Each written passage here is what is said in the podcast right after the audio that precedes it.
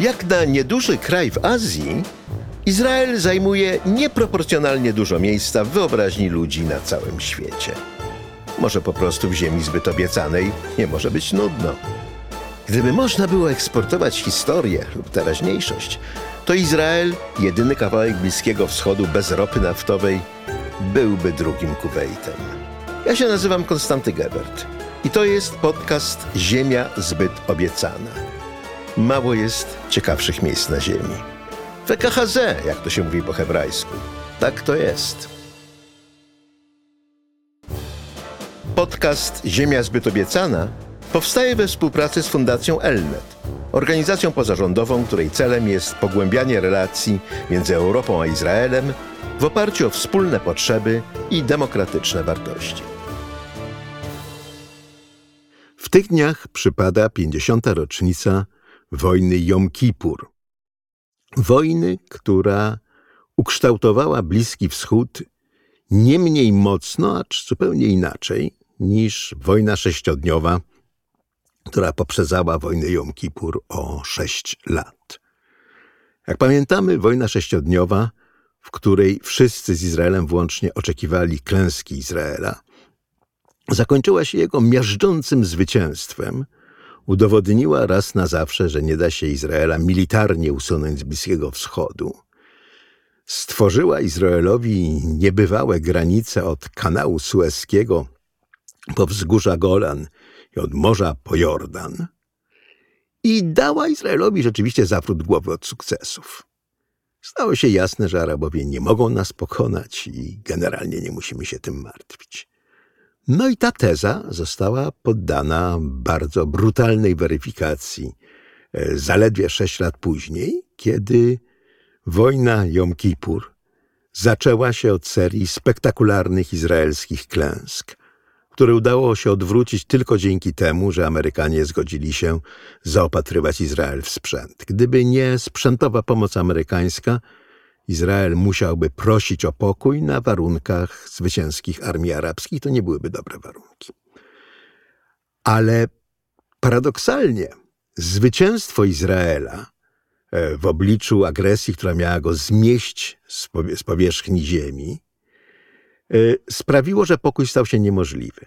Liga Arabska na zwycięstwo w wojnie sześciodniowej odpowiedziała swoimi słynnymi trzema nie – nie będzie negocjacji, nie będzie pokoju, nie będzie uznania Izraela, a początkowa klęska Izraela w wojnie Jom Kippur otworzyła drogę do pokoju z Egiptem, pierwszego pokoju z państwami arabskimi i stworzyła zupełnie nową dynamikę, w której Izrael jest obecny na Bliskim Wschodzie nie tylko dlatego, że nie da się go zbrojnie pokonać, ale dlatego, że staje się tego Bliskiego Wschodu częścią, związany porozumieniami dyplomatycznymi z sąsiednimi państwami. Po Egipcie była Jordania, e, potem były no, nieudane niestety układy z Palestyńczykami z Oslo, a teraz porozumienia abrahamowe. Gdyby nie to, że Egipcjanie w Jom Kippur 73 roku przekroczyli kanał Suezki, tego wszystkiego mogłoby nie być. Ale po kolei. E, jak się rzekło, wojna sześciodniowa zakończyła się tym, że wojska izraelskie stały na brzegu kanału Suezkiego, na wzgórzach Golan i na Jordanie e, i nie zamierzały się wcale stamtąd wynosić. Izrael owszem e, proponował rozmowy ziemia za pokój, ale Liga Arabska to odrzuciła stwierdzając, że żadnych rozmów nie będzie, żadnego pokoju nie będzie, no to było logiczne, że żadnego zwrotu ziemi też nie będzie. E, I przez tych sześć lat Izrael się dość wygodnie umościł w tych nowych granicach, w których wreszcie mógł oddychać pełną piersią. E, cena za to była dosyć wysoka. E, przez granicę z Jordanią na Jordanie przenikały oddziały partyzanckie Palestyńczyków, które prowadziły w Izraelu zamachy terrorystyczne, aczkolwiek Palestyńczycy skupili się głównie na próbie obalenia rządów króla Husseina w Jordanii, co zakończyło się masakrą Palestyńczyków na skalę nieporównanie większą od tego, co ich kiedykolwiek ze strony Izraelczyków spotkało. Na Golanie Izraelczycy zasadniczo uważali, że sprawa jest zamknięta. No, izraelskie czołgi stały 40 kilometrów od Damaszku, tak? I już nie miały podgórkę, tak jak miały do roku 67, więc było jasne, że Syria militarnie Izraelowi nie zagrozi. No a na Synaju Izrael stał na brzegu kanału Sueskiego. E, Egipt nie tylko stracił swoje główne źródło dochodów, jakim były dochody z tranzytu statków przez kanał, ale tak jak wcześniej Egipt miał Synaj jako tą ogromną strefę buforową zabezpieczającą przed ewentualnym izraelskim atakiem, tak teraz strefą, Synaj stał się strefą buforową dla Izraela. I to, że Egipcjanie byli nadal niepokonani, nadal dysponowali całkiem poważną siłą zbrojną i bardzo niebezpiecznym sojusznikiem, czyli Związkiem Sowieckim, e, nie spędzało Izraelczykom snu z powiek.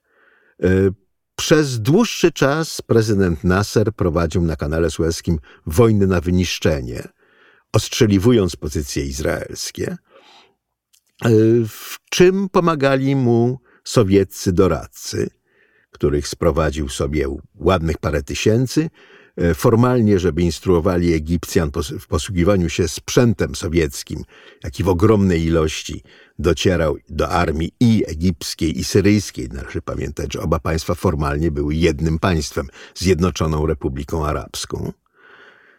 E, I ten sprzęt powodował bardzo duże straty po stronie izraelskiej, a Izraelczycy przyjęli strategię na przeczekanie.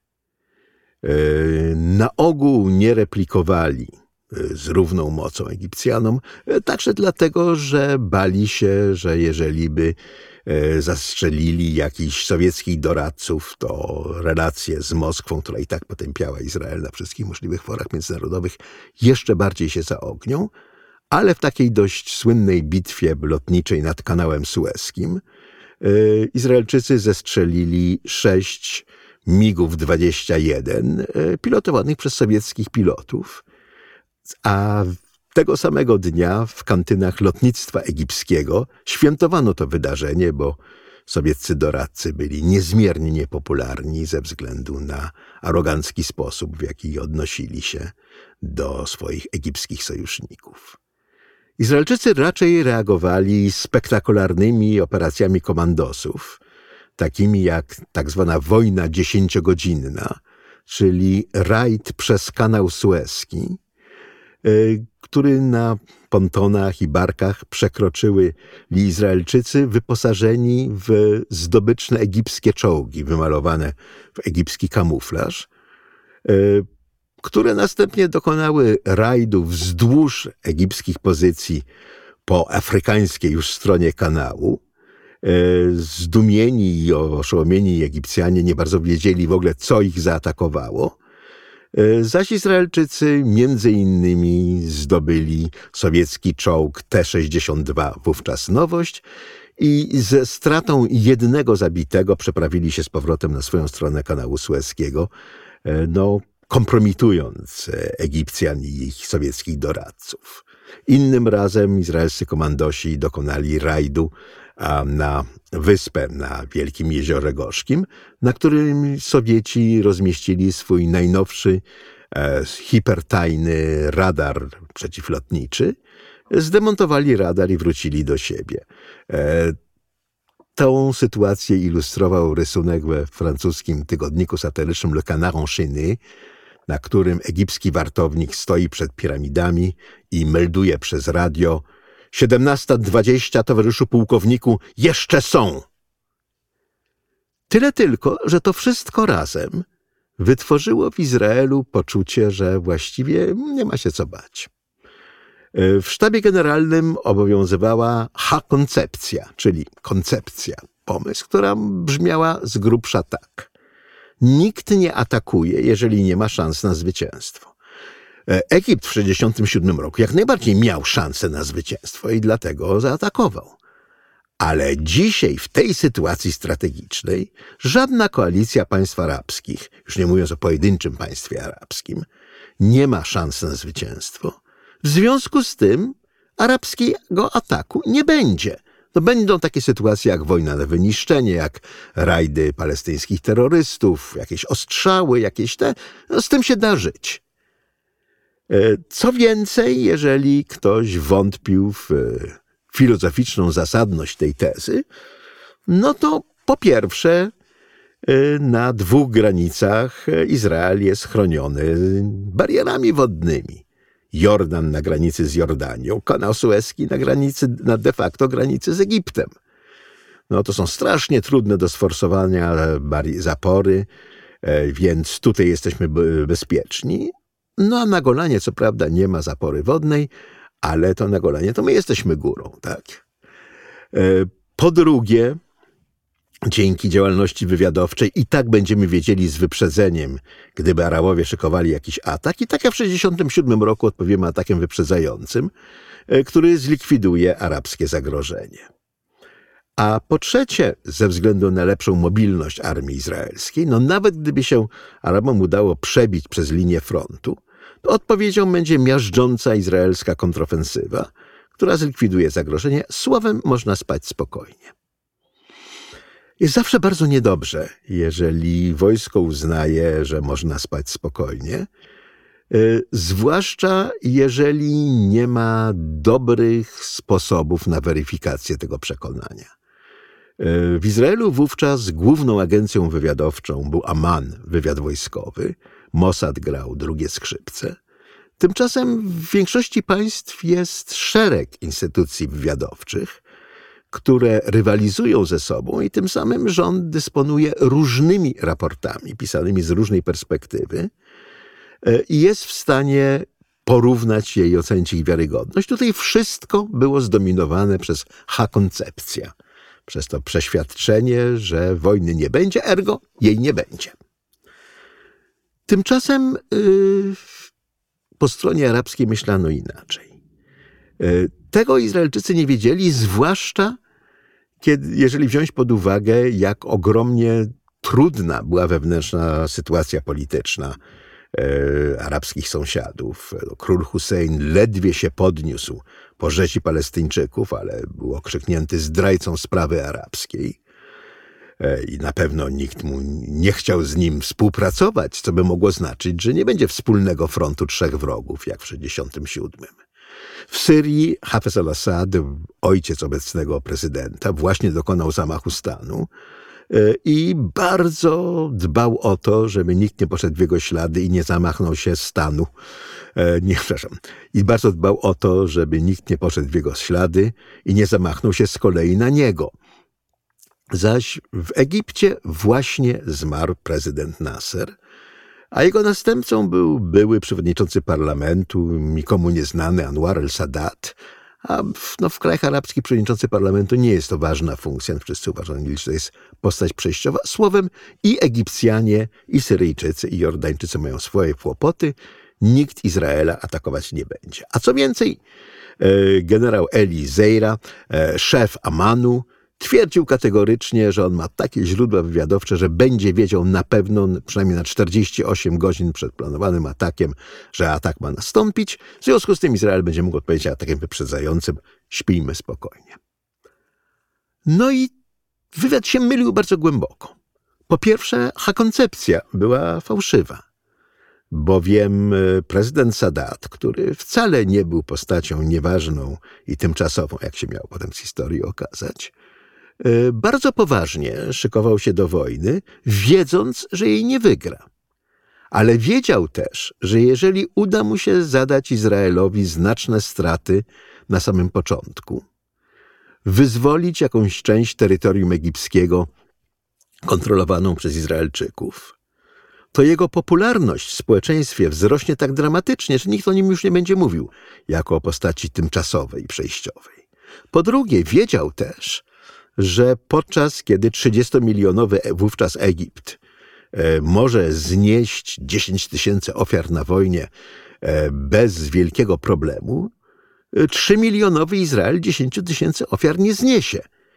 I jeżeli uda się zadać poważne straty w ludziach siłom izraelskim, to izraelska opinia publiczna zacznie wymuszać na swoim rządzie pokój. i zaczął szykować się do wojny, zarazem wysyłając y, sygnały polityczne do Izraela, że jest gotów na jakąś formę negocjacji. Rzecz w tym, że warunki, jakie Sadat stawiał, to znaczy, że Izrael najpierw musi się wycofać do linii zawieszenia broni z 1967 roku, a potem będziemy rozmawiali o tym, czy będą w ogóle jakieś stosunki, były dla Izraela nie do przyjęcia. Ale w tym zadufaniu, jakie dało zwycięstwo, mało kto zwrócił uwagę, że wbrew stanowisku Ligi Arabskiej żadnych negocjacji, żadnego pokoju, żadnego uznania, Sadat mówi negocjacje, tak, okej, okay, na warunkach nie do przyjęcia przez Izrael, ale wyłamuje się z pierwszego nie Ligi Arabskiej, a to może znaczyć, że drugie i trzecie nie też są negocjowalne. E, arabska, egipska doktryna wojskowa mówiła bardzo wyraźnie, że na, wojnę na Egipcie wymusza to, że Izrael nie chce negocjować. Izrael, jak się rzekło, nie mógł negocjować na warunkach nie do przyjęcia dla Izraela, ale jest to zupełnie inne stanowisko niż stanowisko poprzednika Sadata, Gamala al-Nasera, który mówił, że jedynym rozwiązaniem e, problemu palestyńskiego jest likwidacja źródła tego problemu, czyli samego istnienia Izraela. E, Sadat był gotów na jakichś warunkach na istnienie Izraela przystać, E, to była ogromna zmiana polityczna, ale dokumenty e, egipskiej doktryny wojskowej najwyraźniej do Jerozolimy nie dotarły. Ci wybitni agenci, jakimi się chwalił generał Elizeira, e, no tutaj jednak się nie spisali. W sytuacji, kiedy Egipt przygotowywał się do wojny, Izrael musiał wiedzieć, jak zareagować. Egipcjanie wiedzieli, że Izrael przygotowań wojennych, podobnie jak ewentualnych strat wojennych, nie zniesie. E, kilkakrotnie Egipt przeprowadzał częściową mobilizację, która zmuszała Izrael do zrobienia tego samego. Ale w małym kraju częściowa mobilizacja oznacza dramatyczny kryzys gospodarczy. Ludzie odchodzą od miejsc pracy, żeby stawić się w swoich jednostkach. I zarazem owe egipskie mobilizacje, po których nic się nie działo, e, uspokajały stronę izraelską, że jakieś zwiększenie koncentracji sił zbrojnych po egipskiej stronie kanału to pewnie będą kolejne ćwiczenia, kolejna próbna mobilizacja. Nie ma się czym przejmować. E, co więcej, e, Egipt dokonał dość niezwykłej politycznej wolty. Y, bardzo długo, jak się rzekło, był w pełni uzależniony od sowieckich doradców wojskowych, sowieckiego sprzętu wojskowego. Zarazem nie mógł do, zdobyć zgody Moskwy na rozpoczęcie wojny z Izraelem, bo właśnie zaczynało się odprężenie. Y, I Moskwa miała nadzieję na lepsze stosunki z Waszyngtonem, które oczywiście diabli by wzięli, gdyby klient Moskwy, jakim był Egipt, rozpoczął wojnę z no, półklientem Waszyngtonu, jakim był Izrael. Mówię półklientem, ponieważ to były zupełnie inne relacje e, izraelsko-amerykańskie niż te, które są teraz. Kraje nie były sojusznicze. E, Izrael, owszem, kupował amerykańską broń, tak jak kupowały ją inne państwa świata, ale lobby izraelskie, które dopiero zaczynało kształtować w Waszyngtonie, było dużo mniej wpływowe od bardzo potężnego lobby proarabskiego, które dyktowało e, politykę USA na Bliskim Wschodzie, przede wszystkim ze względu na interesy naftowe. E, tak więc Izrael tutaj był uzależniony od Stanów, ale Stany nie musiały w ogóle brać pod uwagę interesów Izraela. E, mimo to Moskwa się bała, że wojna na Bliskim Wschodzie utrudni odprężenie ze Stanami i kilkakrotnie odmawiała Sadatowi zgody na uderzenie. I wtedy Sadat wykonał manewr niesłychany, kazał mianowicie sowieckim doradcom opuścić Egipt i zaczął wysyłać sygnały w stronę Waszyngtonu. Tym Moskwa zaniepokoiła się nie na żarty, ponieważ jedną rzeczą byłoby ryzykowanie utrudnienia w odprążeniu z Waszyngtonem, jakie spowodowałaby egipska wojna z Izraelem, ale czymś zupełnie innym byłaby utrata tego fantastycznego bastionu sił prosowieckich, jakim był Egipt, na rzecz waszyngtońskiego rywala. Do tego Rosja nie mogła dopuścić i po wyrzuceniu sowieckich doradców wojskowych stosunki się nagle ociepliły, doradcy wrócili i Moskwa zapaliła zielone światło dla wojny. Zaczę... w sztabie egipskim zaczęto więc szykować tę wojnę. Było jasne, że Egipt sam nie ma cienia szans, natomiast wojna na dwa, jeszcze lepiej trzy fronty y, daje Egiptowi szansę, żeby zdobyć przynajmniej kawałek Synaju, no a potem ONZ ogłosi zawieszenie broni na miejscu i będzie można negocjować co dalej. Kłopot w tym, że reżim Husseina po pierwsze był niegodny zaufania jako morderca Palestyńczyków, a po drugie Hussein dość przekonująco mówił, że jego reżim jest za słaby, żeby wejść w wojnę z Izraelem, więc umówiono się, że armia jordańska e, zwiąże samą swoją obecnością na granicy siły izraelskie, ale bezpośrednio w wojnie nie będzie uczestniczyć.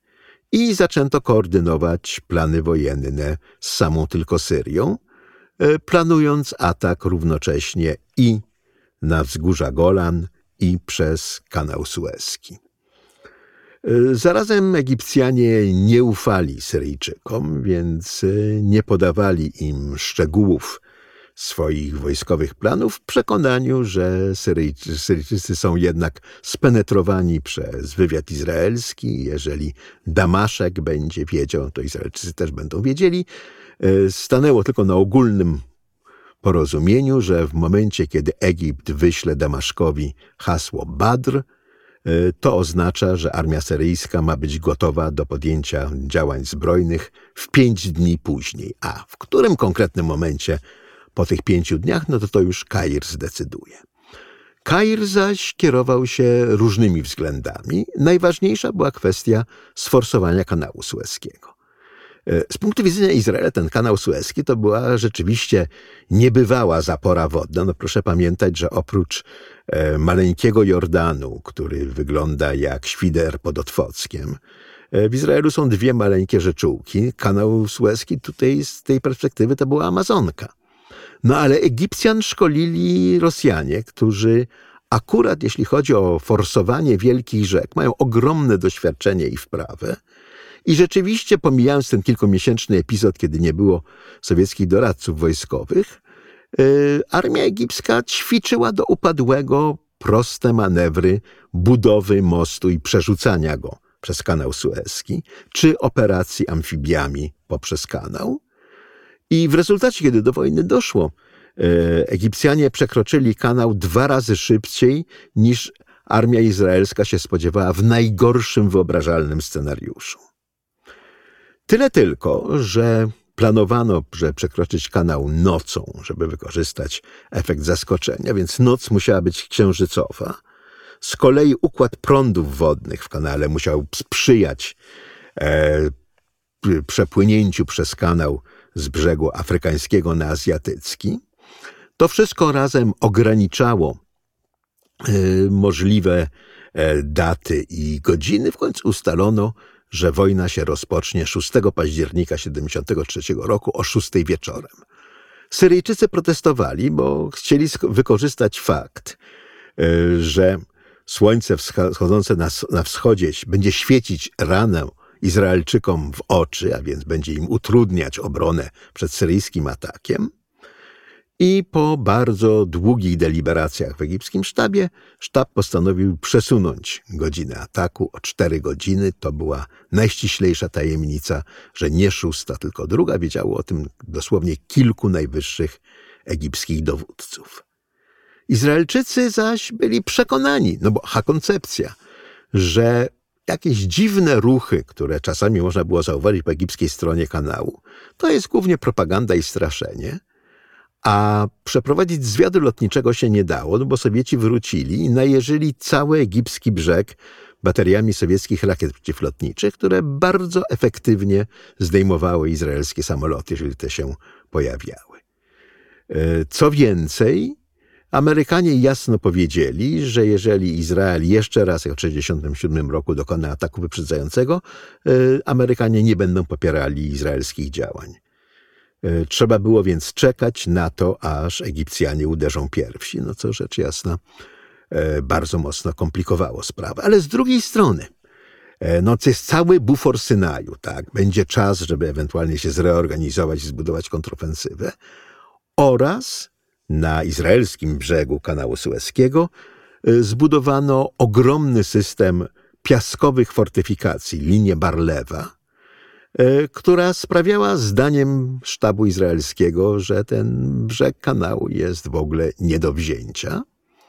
I wreszcie Y, wzdłuż kanału zbudowano cały skomplikowany system rur, pomp i zbiorników, który miał sprawić, że gdyby Egipcjanie próbowali sforsować kanał, do kanału zostanie spuszczona benzyna i podpalona. Tym samym kanał stanie się barierą nie do przebycia.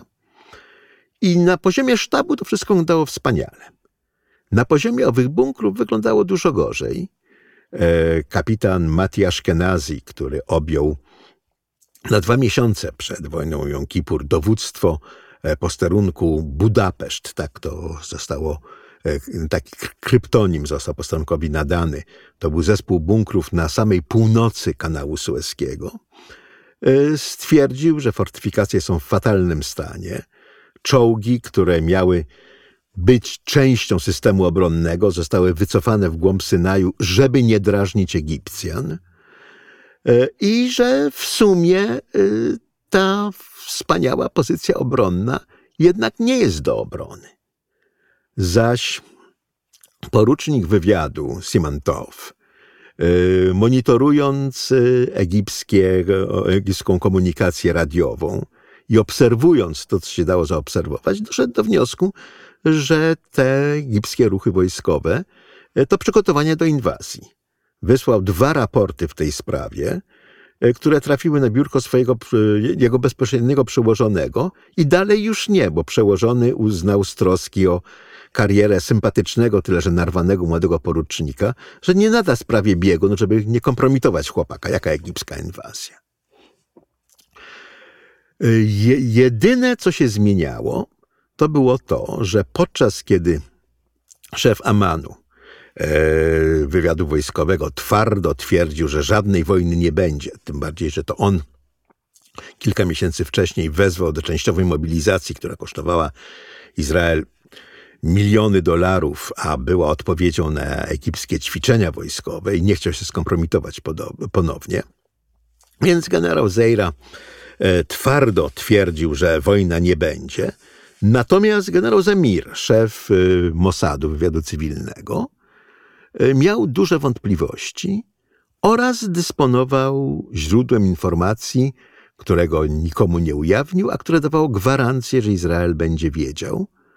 Mianowicie izraelskim agentem został zięć prezydenta Nasera, który już w 1969 roku zgłosił się do izraelskiej ambasady w Londynie e, i zgłosił swoją gotowość pracy na rzecz Izraela.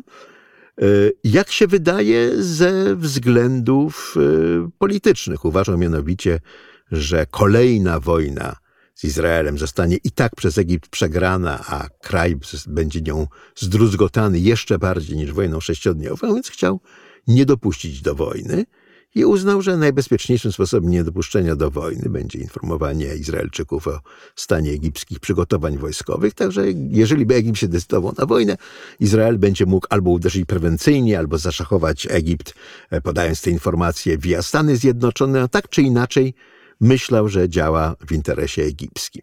Izraelczycy oczywiście bardzo długo sprawdzali, no bo zięć prezydenta, który się zgłasza i mówi, że chce być agentem, brzmiało to niezmiernie podejrzanie, ale po, liczny, po sprawdzeniu licznych informacji, jakie e, e, Ashraf Marwan Izraelczykom podawał i które wszystkie się potwierdzały, uznali, że jest to jednak źródło wiarygodne. Ashraf Marwan twardo mówił, że będzie w stanie uprzedzić przynajmniej na dobę naprzód, jeżeli Egipt będzie szykował zamach.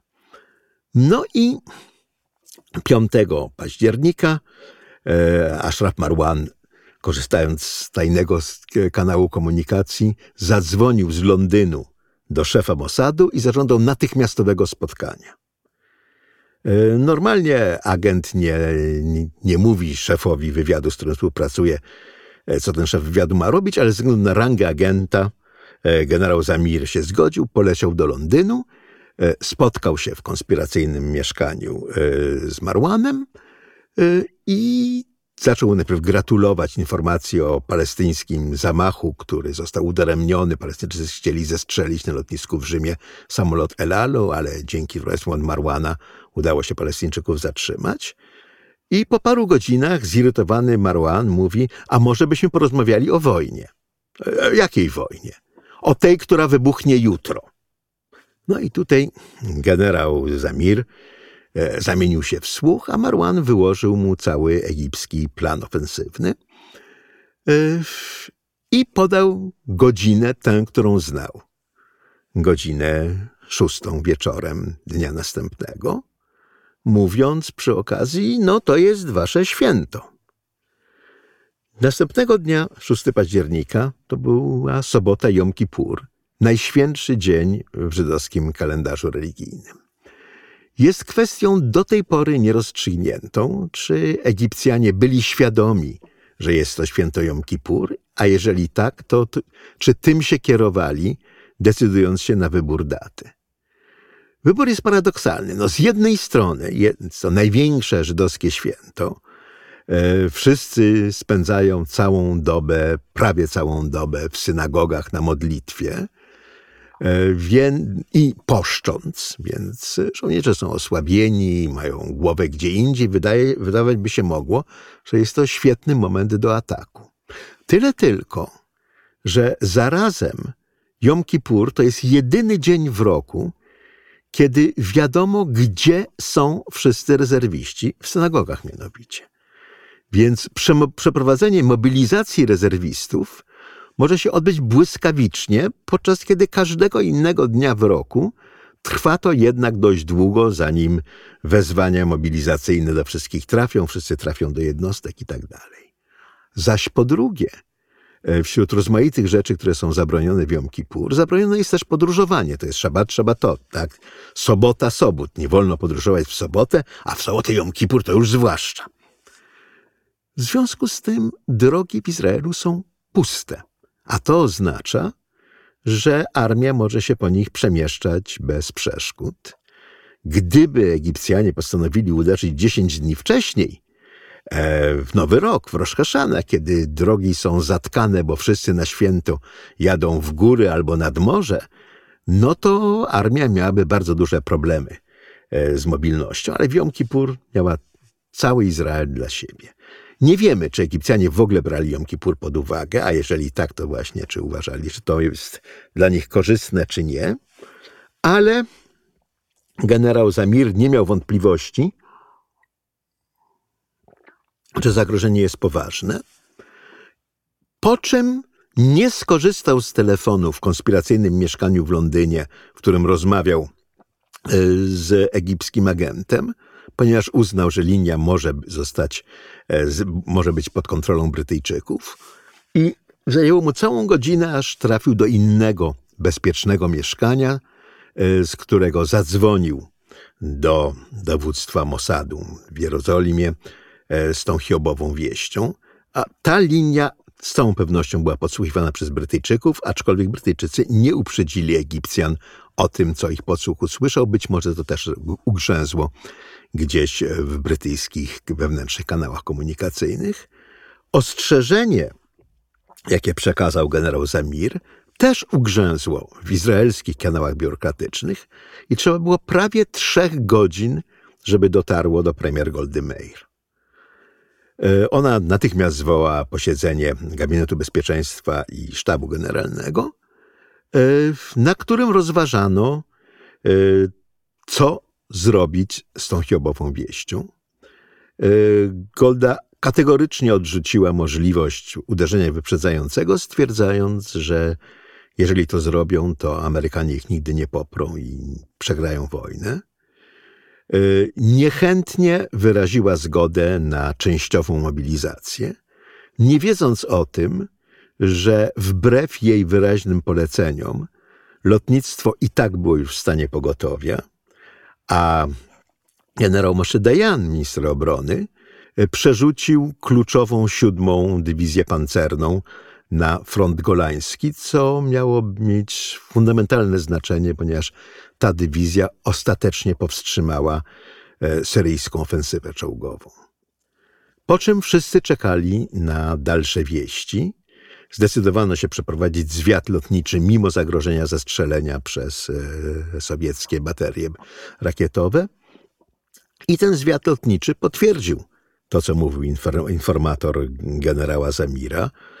Przygotowania w tej skali nie dawały się jednak zakamuflować i ukryć. Było jasne, że będzie wojna.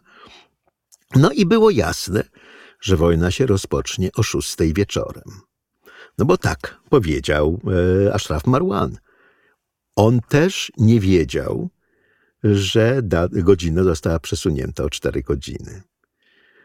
E, natychmiast zaalarmowano Waszyngton, ale Henry Kissinger e, zbył tą informację, bo CIA była zdania, e, kierując się izraelską koncepcją, że wojny nie będzie. Nie za bardzo się przejął, powiedział tylko Goldzie, że nie atakujcie pierwsi, bo inaczej was nie poprzemy. Pozostawało tylko czekać na bieg wydarzeń, no i przygotować się na ten atak o szóstej. Syryjczykom informację o tym, że atak będzie dzisiaj, przekazano w ostatniej chwili. I bardzo słusznie, ponieważ natychmiast oficerowie syryjscy zaczęli dzwonić do rodzin, żeby wyjechały w głąb kraju, a jeżeli są w Libanie, na przykład to na północ Libanu, e, agenci izraelscy, którzy rzeczywiście funkcjonowali w środowisku armii syryjskiej, donosili o tych dość niezwykłych informacjach e, do, do sztabu. E, zarazem zaobserwowano, że wszystkie sowieckie okręty wyszły w morze, a rodziny sowieckich doradców zostały pilnie ewakuowane. Y, przygotowywano częściową mobilizację, e, rozpoczęto dyslokację wojsk i o drugiej po południu rozległy się w całym kraju syreny. No więc jednak udało im się nas zaskoczyć, powiedziała Gołda, która myślała, że ma jeszcze cztery godziny na przygotowanie obrony. Pierwsze uderzenie było miażdżące. E, system, który miał podpalić wodę kanału Sueskiego, nie zadziałał. E, linia Barlewa została rozbita przez Egipcjan, którzy zakupili w niemieckiej firmie e, Magirus-Benz potężne armatki wodne używane przez Straż Pożarną i piaskowe fortyfikacje z tych armatek Piaskowe fortyfikacje te armatki rozwaliły w ciągu kilku minut. Y, kanał Suezki został przekroczony w kilku miejscach w bardzo błyskotliwej operacji wojskowej. Egipcjanie przerzucili czołgi i w ogóle nie zdobywali bunkrów na linii Barlewa, tylko zachowując się jak Izraelczycy, runęli dalej. W ciągu dwóch dób y, cały Y, azjatycki brzeg kanału Sueskiego był kontrolowany przez Egipcjan. Y, znalazło się tam prawie 200 tysięcy egipskich żołnierzy i 1200 czołgów. Tymczasem z Golanu zeszła syryjska nawałnica pancerna. Y, obserwator ONZ-owski w Kunejcze nagle zobaczył, jak na, jak na paradzie defilują przed nim syryjskie czołgi i potem mówił, w ogóle nie wiedziałem, że, że jest na świecie tyle czołgów. Przez Kunejtrę przejechało ich 400, ponad tysiąc przebiło się przez izraelskie zapory i zeszło z Golanu. Teraz już tylko mosty na Jordanie były ostatnią przeszkodą między Syryjczykami a Izraelczykami, którzy zostali rozbici w puch.